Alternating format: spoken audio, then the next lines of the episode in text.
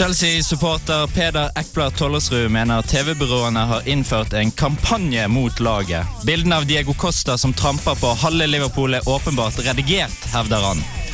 Jørgen Ågedal Sund skal forklare oss hvorfor Australia fra Oceania skal spille finale i et Asiamesterskap, og Offsides nyervervelse Mathias Fløtaker gir deg oppskriften Atletico trenger for å bryte ned Barcelona. Dette og to nye spalter i dagens Offside. Mitt navn er Sondre Myhre, men før vi hiver oss over gårsdagens så hører vi ukens låt her på Studentradioen i Bergen. Flamingo Jones med Botanical Animal.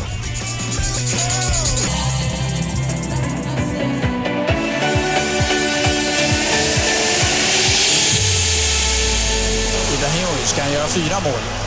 Ja, eh, det är inte helt otänkbart för nu är Joe Hart ute och det blir ett... Det blir mål! Det blir mål! Det är det värsta jag sett! Det är inte klokt! Han cyklar in den där från 25 meter! Det är inte klokt Jens! Det ska inte gå! Det ska inte gå! Men det gikk. Offside hver onsdag 11-12 på Studentradioen i Bergen. På lørdag spilte Lazio mot Milan, og da klikket det fullstendig for Filip Mexes. Igjen møttes eh, de to storkjempene i går, og eh, da fikk Lorikshana rødt kort før halvspilt eh, Halvspilt hva, hva skjer? Det, var det rødt kort, Peder? Eh, tvilsomt. Det, det, det, det kan jeg si med en gang at den, eh, den han får andre gule kortet sitt for der, den skal nok aldri være gult. Men i Italia så vet du aldri. Men likevel, likevel, Jørgen, så vinner altså Lazio Ja, det, er 1-0. Ja, det er det som er krise. Det er, det er ikke rødt kort, men Milan greier jo ikke å etablere en ordentlig trykk. Og det, de, Milan virker jo hjelpeløse om dagen. De har tatt Skulle ikke kvitta seg med Torres. ett poeng etter at, eh, etter at eh, juleferien var over, og det ser ut som de virkelig har tatt eh, fortsatt med den ferien. Det er helt krise i Milan. Det var 9500 på kamp i går. Det er med eh, alle som har sesongkort. Og uh, Kurva Syd var ikke fornøyd med ganske mange bannere med ord og uttrykk som ikke hører hjemme på lufta eller TV, egentlig. Og de vil ha ut Galliani. Galliani og Berlusconi snakker om at de må bytte ut Insagi. og det vil si at Milan da har vært gjennom tre trenere på ett år. Det er ikke den klubben verdig, og nå er, de, nå er de Folk er forbanna i Milano, hvis du er i den røde delen. Men Mathias, eh, Berlusconi, Galliano, dette er jo figurer som har enerett i Milano. Betyr dette kroken på døren for Pippo Insagi, stakkars lille målsjuven, eller sniken, som jeg liker å kalle han? Så nå spørs det jo om de har penger da, til å sparke Insagi. Jeg tenker eh, Berlusconi han er jo han er sjef. Eh, Galliano er med, men jeg tror ikke de har råd til å sparke Insagi, rett og slett. Øh, Er det noe superbra alternativ der ute? Altså, Nei, det er jo det det ikke er. Det snakkes jo om Spalletti, Ja, Ja, ja, men det er da altså fra sommeren av, da, og det, men det blir sånn, samme løsning som de gjorde i fjor. da, på en måte litt At Cedo fikk sitte, men så ble, han, ble det klart at han skulle sparkes i sommeren. Altså, Det er en uheldig løsning. Og så er det jo klart at nå ligger Milan ti poeng bak Champions League-plass. Det er mye, men det kan tas. Men da må endringer skje. Da må den gode run begynne nå. Likevel, Milan har én kamp eh, til som skal spilles mot Lazio i eh, Coppa Italia, der de kan eh, virkelig snu kjerringen. Men eh, jeg må helt ærlig si jeg ikke har særlig stor tro på det laget lenger. Men vi skal, eh, vi skal litt eh, østover, blir det, til England. For der spiltes det også cupkamp i går. best som du får. Best blir det. Best blir det. Eh, men Chelsea-Liverpool er en helt ellevill kamp, eh, Mathias. Diego Costa kommer nok en gang i fokus, og han blir jo bare eklere og eklere. Ja, altså, Diego Costa er jo verdens verste fyr. Men eh, det er en... Det er veldig fint at vi er objektive programledere og objektive studio og alt mulig sånn. da Diego Costa, en nydelig fotballspiller. En forferdelig fyr, men det er en type du vil ha på laget ditt. Eh, selvfølgelig. Eh, jeg hater Diego Costa, men jeg hadde tatt han rett inn istedenfor uh, Ricky Lambert hver dag i uka. Det var rart. Jeg eh, så på Twitter i går Peder, at det var en som sammenlignet Diego Costa med Zlatan Ibrahimovic, bare uten sjarm og uten teknikk. Ne, ja, altså Det som er med Diego Costa, er at han gir alltid alle kamper. Han har et vinnerinstinkt og konkurranseinstinkt som er opp av en annen verden. Og han, er, han gir alltid løpsduell, alltid dueller, og så tenner det litt mye på ham, men så er han smartere da enn sånne som Luis Suárez, som uh, biter folk på åpen gate. Så tar han heller og snur seg den andre veien og stempler det, sånn at det ser ut som han ikke gjør dette her med vilje. Det er, eh, altså Mannen er jo ja, han er jo en drittsekk ute på banen der, men fytti rakkeren!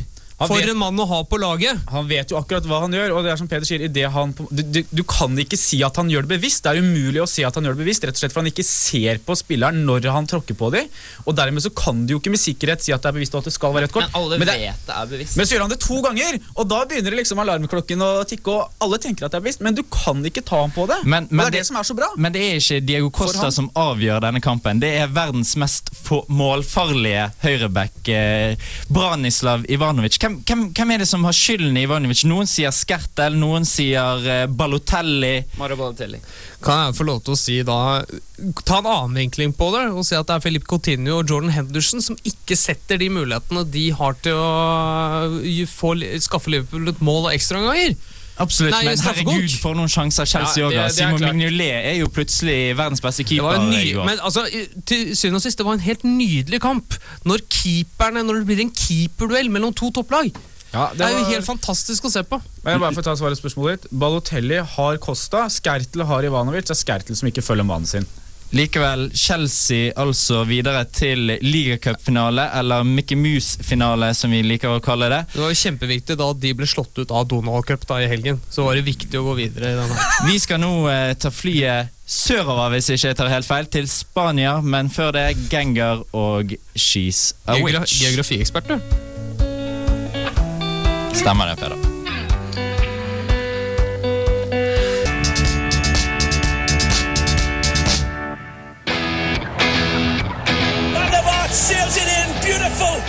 Pouncing header right over the top. Here, Fazio cannot do anything, and Sergio Ramos gets a nibble erection. like to say I'm excited. I don't know if I'm as excited as he is. 2-2 the score. Well, that's what his body language was telling me. Offside. Det er lett å la seg bli opphissa av god fotball.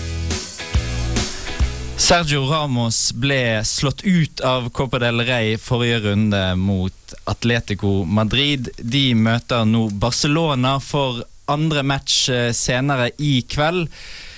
Første matchen vant eh, Barcelona 1-0 etter eh, at Messi satte sin egen straffebom, var det vel. Og, men Barcelona er i kjempeform, Jørgen. Ja, nå de, ser det ut som de har virkelig har funnet uh, litt form da, og fått i gang den trioen på topp. Og da er det laget veldig bra. Har sluppet inn ett mål på de siste seks bortematchene, er det vel, og kommer jo med 1-0. Og det er ikke helt heldig for Atletico Madrid at de må jage, for de er et lag som er bedre på at de kan kjøre kontra. De liker jo ikke å styre spillet. Nå, og Barcelona, er det noe de er gode på, så er det å kontrollere ballen og si at vi trenger ikke å skåre mål. Men Atletico er et hjemmelag, Mathias. De, de er hjemme på Vicente Calderón. Her skal ikke de klare å ta dette Barcelona-laget. Atletico er, La Liga-mesterne. De var i finalen i Champions League. Er ikke Atletico nå favoritter mot Barcelona? Nei. Altså, etter Luis Henrique altså, fikk kritikk, og mange mente at han skulle ha sparken, og Messi hadde gått ut mot han, så har Barcelona levert fantastisk bra. De har eh, Messi, selvfølgelig. De har Suárez, de har Neymar, og du har sett, altså Når du har Busquets på midten der som altså vinner alt Jeg tror ikke Atletico Madrid kan styre mot et så godt lag på Vicente Calderón, selv om de i utgangspunktet har en altså, min, min personlige mening er jo at uh, Kåke, Gabi Det er jo bedre spillere enn Men da har vi både Koko og Gabi. Ingen av de skal spille. Herregud. Eh, Koko, det er- nytt, det er nytt eh, kommet inn i dag. Koko og Thiago. De er skada, skal ikke spille kveldens kamp. Men eh, de som skal spille som er mer interessant, som var himla gode på Bernabeu, ikke så gode på kamp nå, det er Fernando Torres og Mathieu Griezmann, eh, som da skal spille på topp mot eh, Suárez og Neymar. da. Men Er du sikker på at de skal spille med de to, ikke Mandzukic? Jeg tror det, fordi at eh, det er en eh, strategi Simione har, at eh, det er her de skal spille inn eh, Torres, og det syns jeg er helt greit. Ja, men, men, Men, altså, men nå- Jørgen, hvor, hvor, ligger mulighetene til Atletico? Ja, men det er det jeg tenker, for nå, nå har du muligheten her da. Hvis du slår ut Barcelona, så er det ganske straka veien til å hente den cuptittelen. Da må du jo toppe laget ditt i dag og gjøre et forsøk på det, og da spiller Mandzukic den kampen. Jeg tror ikke det, rett og slett fordi at Fernando Torres viste det han viste på Bernabeu i en ekstremt viktig kamp. Kan han vise det igjen? Selvfølgelig kan han det på et fullsatt Vincente Calderón. Forventningene er ikke like store nå. Jeg tror de fleste forventer at Atletico kommer til å ryke til syvende og sist mot et veldig sterkt Barcelona som har 1-0 å gå på, og mannen som kan finne på det ekstraordinære på Vincente Calderón, er forhåpentligvis da El Niño. Men, men kan du ikke sette Griezmann ned på venstrekant som han har bekledd før, da, og så spille med Manzukic og Torres eh, oppe på topp, og så blir det brukt alle tre? Det har du gjort i ligakampen, så har du spilt med, med både Manzukic, og, øh, og Torres. Men så er det jo litt sånn at det er en øh, Real Madrid er slått ut av cupen. Eh, Det er en, en serieinnspurt som vil være Altså Atletico ligger fire poeng bak. Hviler Mandzukic øh, i midtuka der, det kan han ha godt av. Nå har de mista KK til Tiago pga. høy intensitet. Det kan være lurt å la Torre spille den her. Ok, Mathias, eh, gi oss et stalltips på hvordan denne Coppe del Rey-finalen, vil jeg nesten kalle det, i kvartfinalen eh, skal, eh, skal gå. Altså, Jeg har nesten ikke kommet meg over at du sier at Gabi er en bedre fotballspiller enn Busquets. Men Barcelona kommer til å vinne. Jørgen? Jeg tror også Barcelona vinner. Jeg tror det blir uavgjort i dag, men det går videre. El Niño 2-0 til Atletico Madrid. Torres eh, ganger to. Jeg også må si at uh, dette her hjemme på Vicente Calderón mot et uh, Barcelona med fullt av grinunger, en treig Sergio Busquets på midtbanen, dette, her- dette tar Atletico hjem.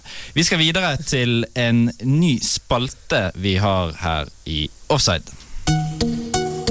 Det er en drøm som går i oppfyllelse, enkelt og greit, egentlig. Det er uh, litt uvirkelig, egentlig, at jeg sitter her og er klar for uh, største klubben i verden. But it's still Owen. What a goal! This 18-year-old has electrified the world. Real Madrid har de beste mulighetene for meg, både sportslig og utenomsportslig, og, og det er grunnen til at jeg har valgt denne klubben.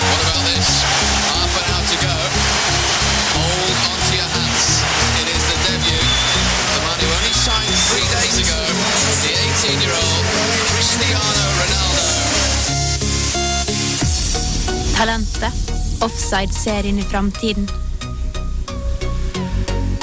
Det er ti små uker til Tippeligaen sparkes i gang, og frem til eh, det gjør det, så, eh, så vil vi presentere talenter fra det som for øyeblikket er Norges beste klubblag. Vi har startet øverst på tabellen og reist til Bodø, et lite kystsamfunn i Nordland kommune som har for vane å fostre opp talenter til Rosenborg eh, store glede. Og fra Sogndal så kjenner vi jo Flo-familien, men vi har også en familieklan som har dominert norsk fotball fra Bodø, Peder. Ja, det er eh, Berg-familien. Det Rett og slett. Det er eh, Dutte og de andre. Sønnen Dutte hans. og de andre. Skal du ta de andre, Sønnen eller? hans. Ja, Arild, Harald ja, det er, og Runar. Runar, vet. Nei, Ar Harald er jo faren. Det er Arild, Ørjan og Runar. Stemmer det. Ja, Og, og to av de har spilt i, tre av de har spilt i Lyn, så det er en kjempefin familie. Jørgen, hvilket forhold har du til talentarbeid oppe i nord i Bodø-Glimt? Nei, de har jo denne Berg-familien, og så har de ofte produsert veldig mye som har gått veldig tidlig til Rosenborg, og så er det Rosenborg som har forvalta mye av talentene til Bodø-Glimt. Nå har de greid å holde litt mer på det, og i det siste så har det vært eh, Stefan Johansen, det har vært eh, Konradsen, det har vært eh, Daniel Berntsen som har vært innom der og gjort det bra, og nå da så kommer, det, Olsen. eh, kommer det en til eh, som kanskje kommer opp da og kan være den nye fra Bodø-Glimt. Og Bodø-Glimt har en ganske stolt tradisjon med å få opp eh, mye talenter til Tippeligaen. En en av de virkelig gode på det fra Norge. Ja, og Mathias, du kjenner jo også til spillere som Jan Ivar Jacobsen, kjent som Mini, Jan Derek Sørensen. Men hun nevnte jo dette med familieklaner. På, grunn av, på nett fremover så vil vi altså presentere et talent fra hver av tippeligaklubbene. Vi har som sagt begynt i Bodø, og dette, dette er igjen en familieklan. Anders Konradsen kjenner vi til. Nå kommer det frem en ny en. Morten Konradsen. Og det er vår mann Fredrik Tombra som har eh, intervjuet eh, Bodøs eh, største talent. Og vil du lese om dette stortalentet fra nord, så går du altså inn på www.srib.no slash offside. Vi skal videre i sendingen, og etterpå så er det den velkjente spalten Ukens utfordring. Først får du Amazon med Kelly her på Offside, studentradioen i Bergen.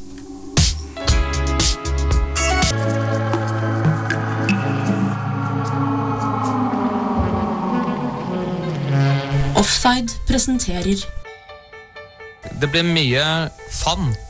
Kan si Ja, vi tar, vi tar forsvarsrekke. forsvarsrekken først.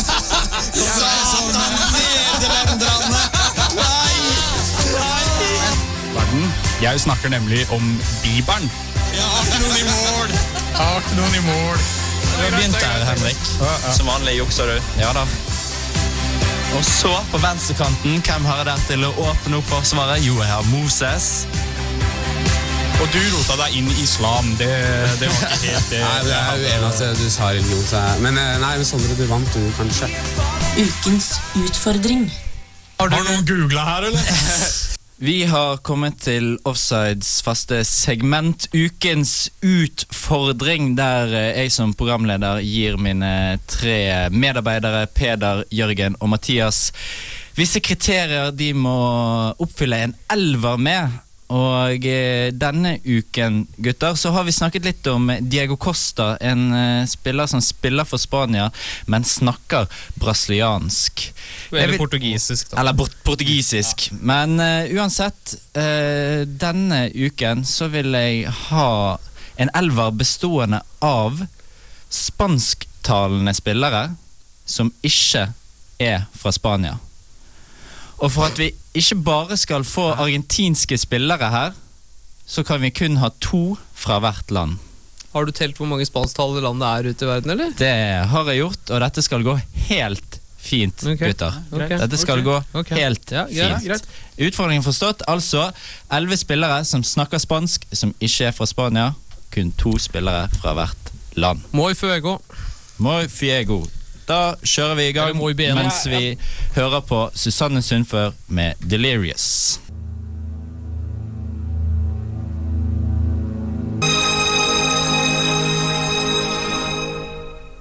Offside presenterer Sergio Romero. Slutter på samme bokstav. Slutter? Har du tatt Jeg har tatt byen til. Å, jeg har jeg misforstått hele greia, da? Nei. Nei. Ok, Langland. Greier du det, da? Ukens utfordring. Du hører på Offside på Studentradioen i Bergen. Mitt navn er Sonne Myrme. Med meg i studio har jeg Peder, Jørgen og Mathias. Og vi er midt inne i ukens utfordring, der jeg ga de utfordringen å sette opp en elver bestående av spansktalende spillere som ikke er fra Spania. Kun to fra hvert land. Og vi begynner på venstre flanke her, Peder. Hvem har du i mål? Ja, øh, jeg har øh, Ochoa fra Mexico i mål. Ok, ok. Ingen eh, Claudio Bravo, altså? Nei. Uh, Nei. nei. Nei. Jørgen? Keiser Navas. Keiser. Nei, Keiser? Kaylor? Jeg hadde Navas, men jeg gikk for eh, Ochoa, mann med seks fingre.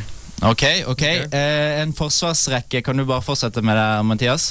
Ja, der har jeg eh, Sabaleta, eh, Godin og Jimenez, og så har jeg ingen venstrebekk. Ja, men en god treer bak det. Jørgen, hva har du bak der? Eh, Caceres høyrebekk eh, fra mm, Uruguay. Lugano midtstopper. Uruguay. Marquez midtstopper med, fra Mexico. Armero venstrebrekk fra Colombia. Rafael Marquez. Ok, Du har tatt Amero fra Colombia, og du har tatt Lugano og Cáceres fra Uruguay. Ok, ok. Eh, Peder, hva har du bak der? Jeg har ehm, Guadrado, Mexico. Høyre bekk for anledningen. Ok. Fordi at venstreback så er det jo da Cuadrado fra Colombia. Som venstreback? Ja, det er, han har jo spilt masse wingback. Her satser vi offensivt.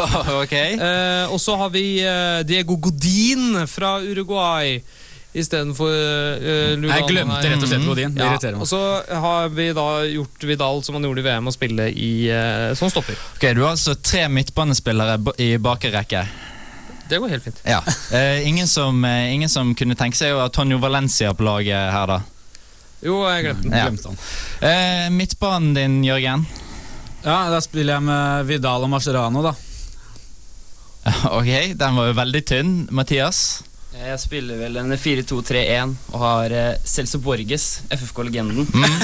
Ja, og klasse. eh, langskuddmesteren eh,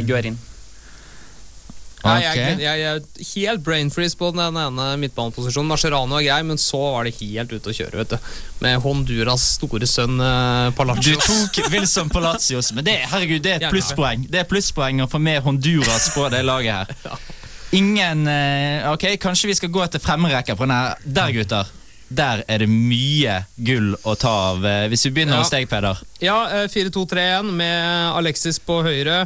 Eh, ha Messi i hullet, Messi på venstre.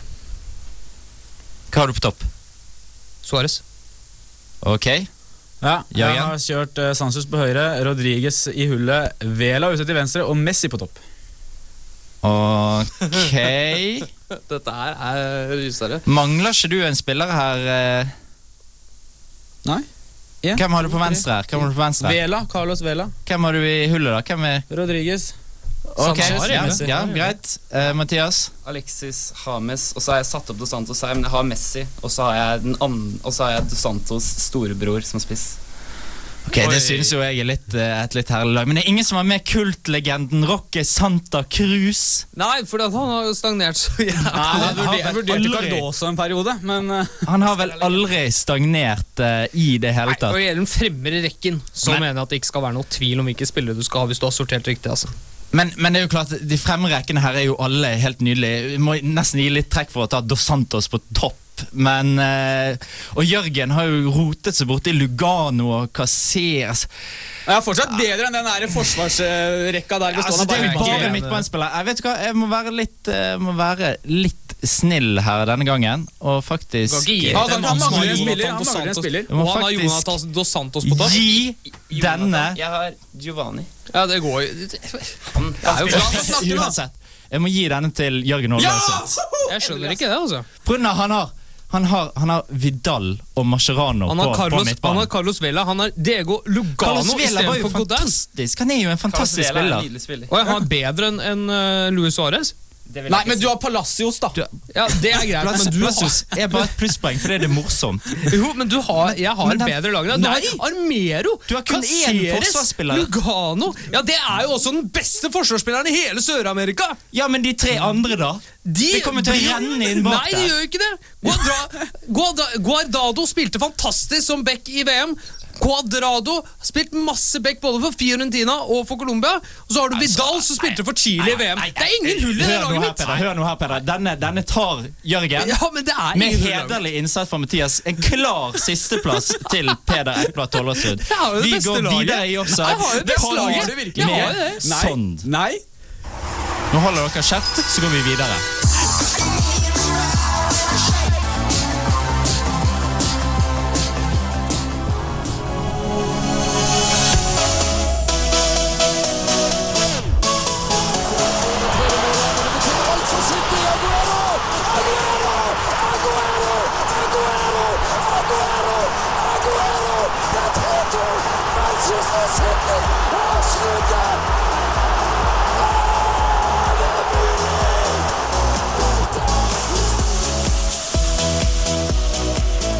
Offside. Vi skaper miraklene. Og miraklene har skjedd i Asia. I Asiamesterskapet så har det altså skjedd det at Japan røk ut i kvartfinale mot Emiratene, som igjen da røk mot Australia i en semifinale. Det er jo helt sinnssykt, så vi har fått en eh, litt sånn eh, Pluto, holdt på å si. Bronsefinale med Emiratene og Irak, men det er ikke den vi skal snakke om, for finalen i Asiamesterskapet den står mellom Australia fra Oseania og eh, Sør-Korea fra Asia. På oseansk jord. På oseansk jord i Australia. Og Mathias, eh, ta oss litt gjennom veien til finalen for eh, Sør-Korea. De har jo enda til gode å slippe inn mål i dette mesterskapet. Ja, fram til finalen. De har 7-0 sammenlagt. Eh, Starter mot eh, OPEC-landet Oman og Kuwait. To 1-0-seire. Med Qatar-spillere to, to spillere som eh, til vanlig tjener sine penger i Qatar. Før de slår et svekket Australia i siste gruppespillskamp.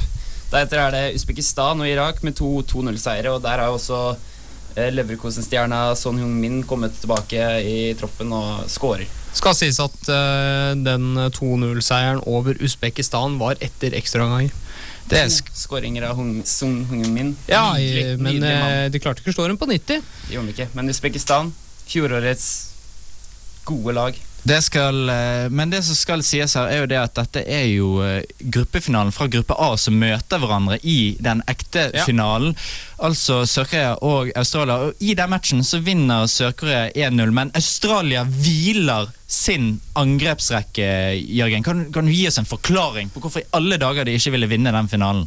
Nei, jeg tror de Hvorfor de ikke ville vinne finalen mot Sør-Korea? ja, gruppefinalen. Nei, Jeg tror at de ville vinne, men jeg mener jo at de tenker som så at det er et eh, langt mesterskap. Du får hvilt åtte dager hvis du hviler spillerne. Du har gamle spillere som Tim Cahill, som eh, ikke restituerer seg like fort. Og jeg tror de mener at det, hvis, de uans, Antageligvis tenker de vi må uansett slå Japan for å vinne denne sluttspillet. Be, vi hviler da spillerne våre sånn at de er best, eh, best rusta til å møte Japan når vi eventuelt møter Japan. Så gjør de ikke det, da. Møter Sør-Korea som de tapte mot. Og jeg er jo veldig imponert da, over at Sør-Korea ikke slipper inn et mål, for da lurer jeg på om de andre lagene har øvd på dødball. For har de spillere som er over 1,82? Eh, altså Tim, Tim Cahill på dødball mot uh, Sør-Korea. Er det mulig å få spille på akkurat det at han scorer på huet? Helt sikkert. Men, Eh, men hvem har det beste laget her, Peder? Det er veldig vanskelig, vanskelig å si, men uh, Australia får iallfall uh, Mille Jedinak ble jo ute med skade i gruppespillet, og han er tilbake. Han spilte semifinalen. Uh, og så har jo Sør-Korea spilt toppet lag hele tiden. Kan det ha noe, ha noe å si? Eh, Australia spiller på hjemmebane. Når det gjelder lagene selv, så har jo Australia kan vi si, en liten fordel med at de spiller på disse A-league-relasjonene. Så kan man jo spekulere i hvor god denne A-league er, men eh, Sør-Korea har jo spillere som spiller i uh, litt hummer- og kanarieligaer, og så har de de gode stjernene, sånn som Hung Sung-min. da. Eh, Så jeg vil si det er veldig jevnt. Australia knepen favoritt grunnen til at det er på hjemmebane, og at de har hatt eh, to gode resultater nå i, i sluttspillet, så det er stinna selvtillit. Mathias, du har jo stålkontroll på eh, Australia sin vei til eh, finalen også. Hvem, hvem ser du har hatt den tøffeste veien til denne finalen? Hvem tror du, hvem tror du har, har det største strået å trekke her? Altså, Sør-Korea har riktignok eh, Altså, de tok jo eh, første stikk mot Australia ved å slå de eh, i gruppespillet. Eh, Australia har skåret tolv mål eh, mot Sør-Korea syv. Har riktignok sluppet inn to, men jeg, jeg føler likevel at Australia skal trekke det sterkeste Eller altså strekke det lengste strået her. i Men de har jo ikke sluppet i mål, så det, det, det, Nei, det det er helt er- umulig å vite. Men eh, Australia har jo også Klart Sør-Korea har litt X-faktor i Son Hong-min, men jeg føler jo at Australia i, eh, har kose, men aller mest har de denne Tim Cale. Tim Cale har aldri vunnet noe stort. Ja, han har vunnet noe oseanske mesterskap, men da, hva, hva land spiller du mot da? Og han begynner å trekke på årene. Er dette endelig Tim Cale sitt første og siste og ordentlige trofé han kan ta med seg hjem på hyllen? Ja, det er det definitivt. eh, Og det er jo denne Massimo Longo da, som har storspilt i mesterskapet for, eh, for eh, Australia, som skal gjøre det, og ikke Tim Cale. Men det hadde jo vært skrevet i stjernene om Tim Cale skulle skåre et mål tilsvarende det han skårte mot Nederland i, i VM, og gjøre dette her til en, til en last hurra for mannen som har skåret flest mål på huet i Premier League gjennom tidene. Det blir en heidundrende finale i Asia, og eh, vi holder en knapp på Australia. Litt av forkjærlighet, og eh, litt fordi at vi ser at ja, kanskje de har det beste laget. Vi går videre i offside. Her er Chromio med 'Jealous'.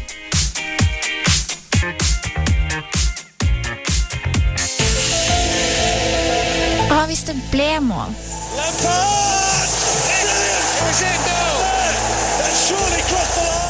Hva hvis han ikke sklei? to give them the trophy. Oh, he's missed it! He's missed it! Hva hvis det ble gult? He's taking another card out for Beckham. It's a red card for David Beckham. Hva hvis Tafarel reddet Norge leder 2-1! Norge leder! Offside spør hva hvis?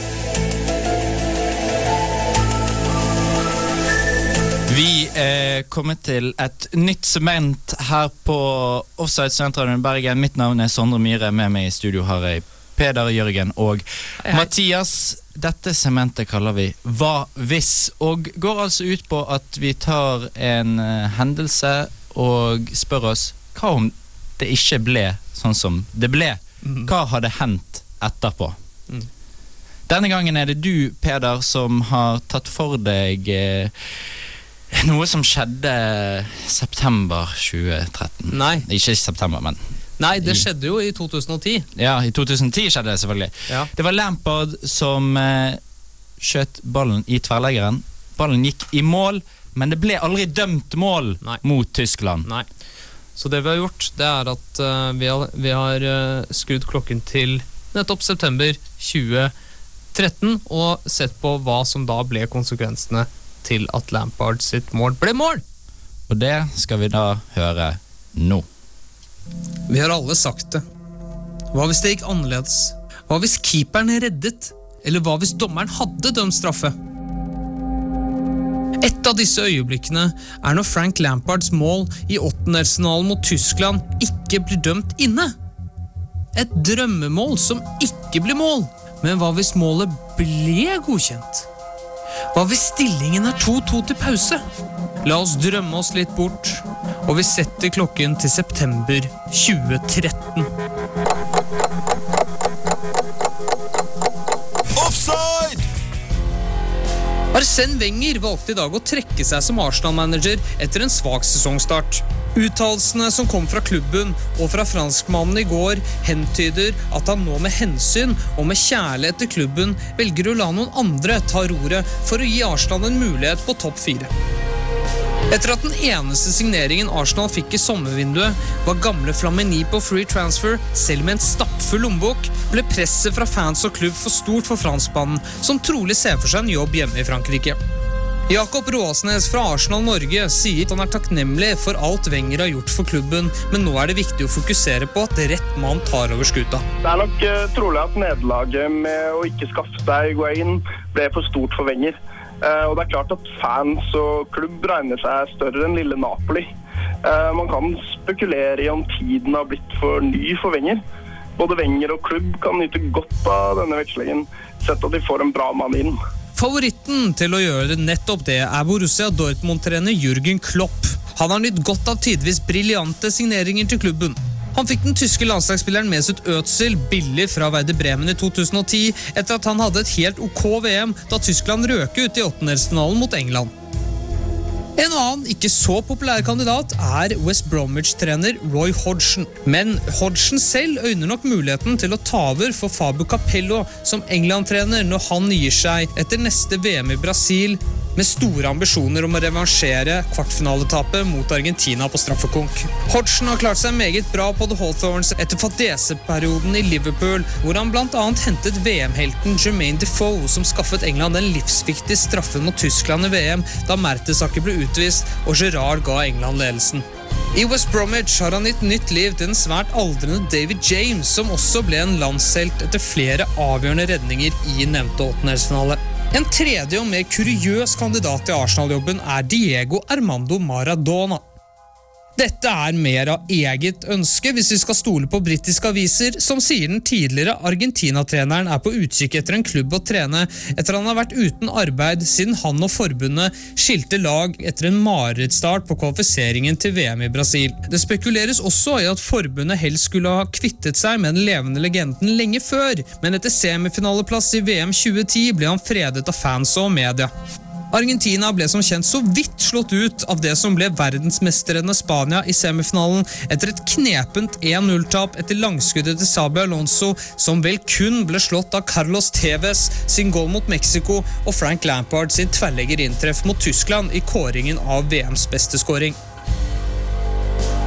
Hvem fansen vil skal ta over, er ikke uventet den karismatiske tyskeren Klopp. Eh, håpet er nok å få inn Klopp, men, og at han kan få seg noen nye spillere. Øsil i hullet der må, må vel være mulig.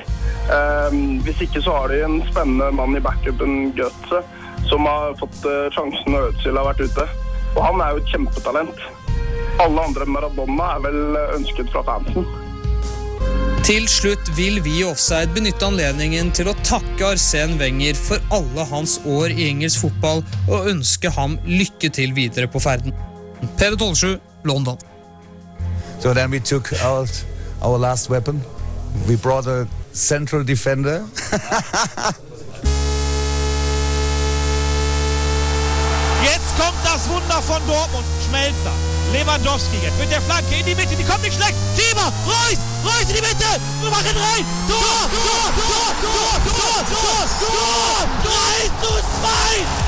Utskjelte Santana. Santana. La desolación ahora para los muchachos del Málaga. Offside. Det er ikke bare i pornobransjen tyskerne kommer sent. Det var denne ukens Hva hvis på offside. Og altså, hvis Frank Lampard hadde fått skåringen sin godkjent, ville Mesut Özil aldri fått et bra VM og aldri gått til Real Madrid og aldri videre til Arsenal. Dermed fyken for Arsen. Wenger i september 2013. Og med det må vi si takk for oss i dag. Vi har snakket om Milan Lazio, Chelsea Liverpool, Copa del Rey at vi får eh, talenter ute på vår herlige nettside www.srib.no. slash offside. Sånn.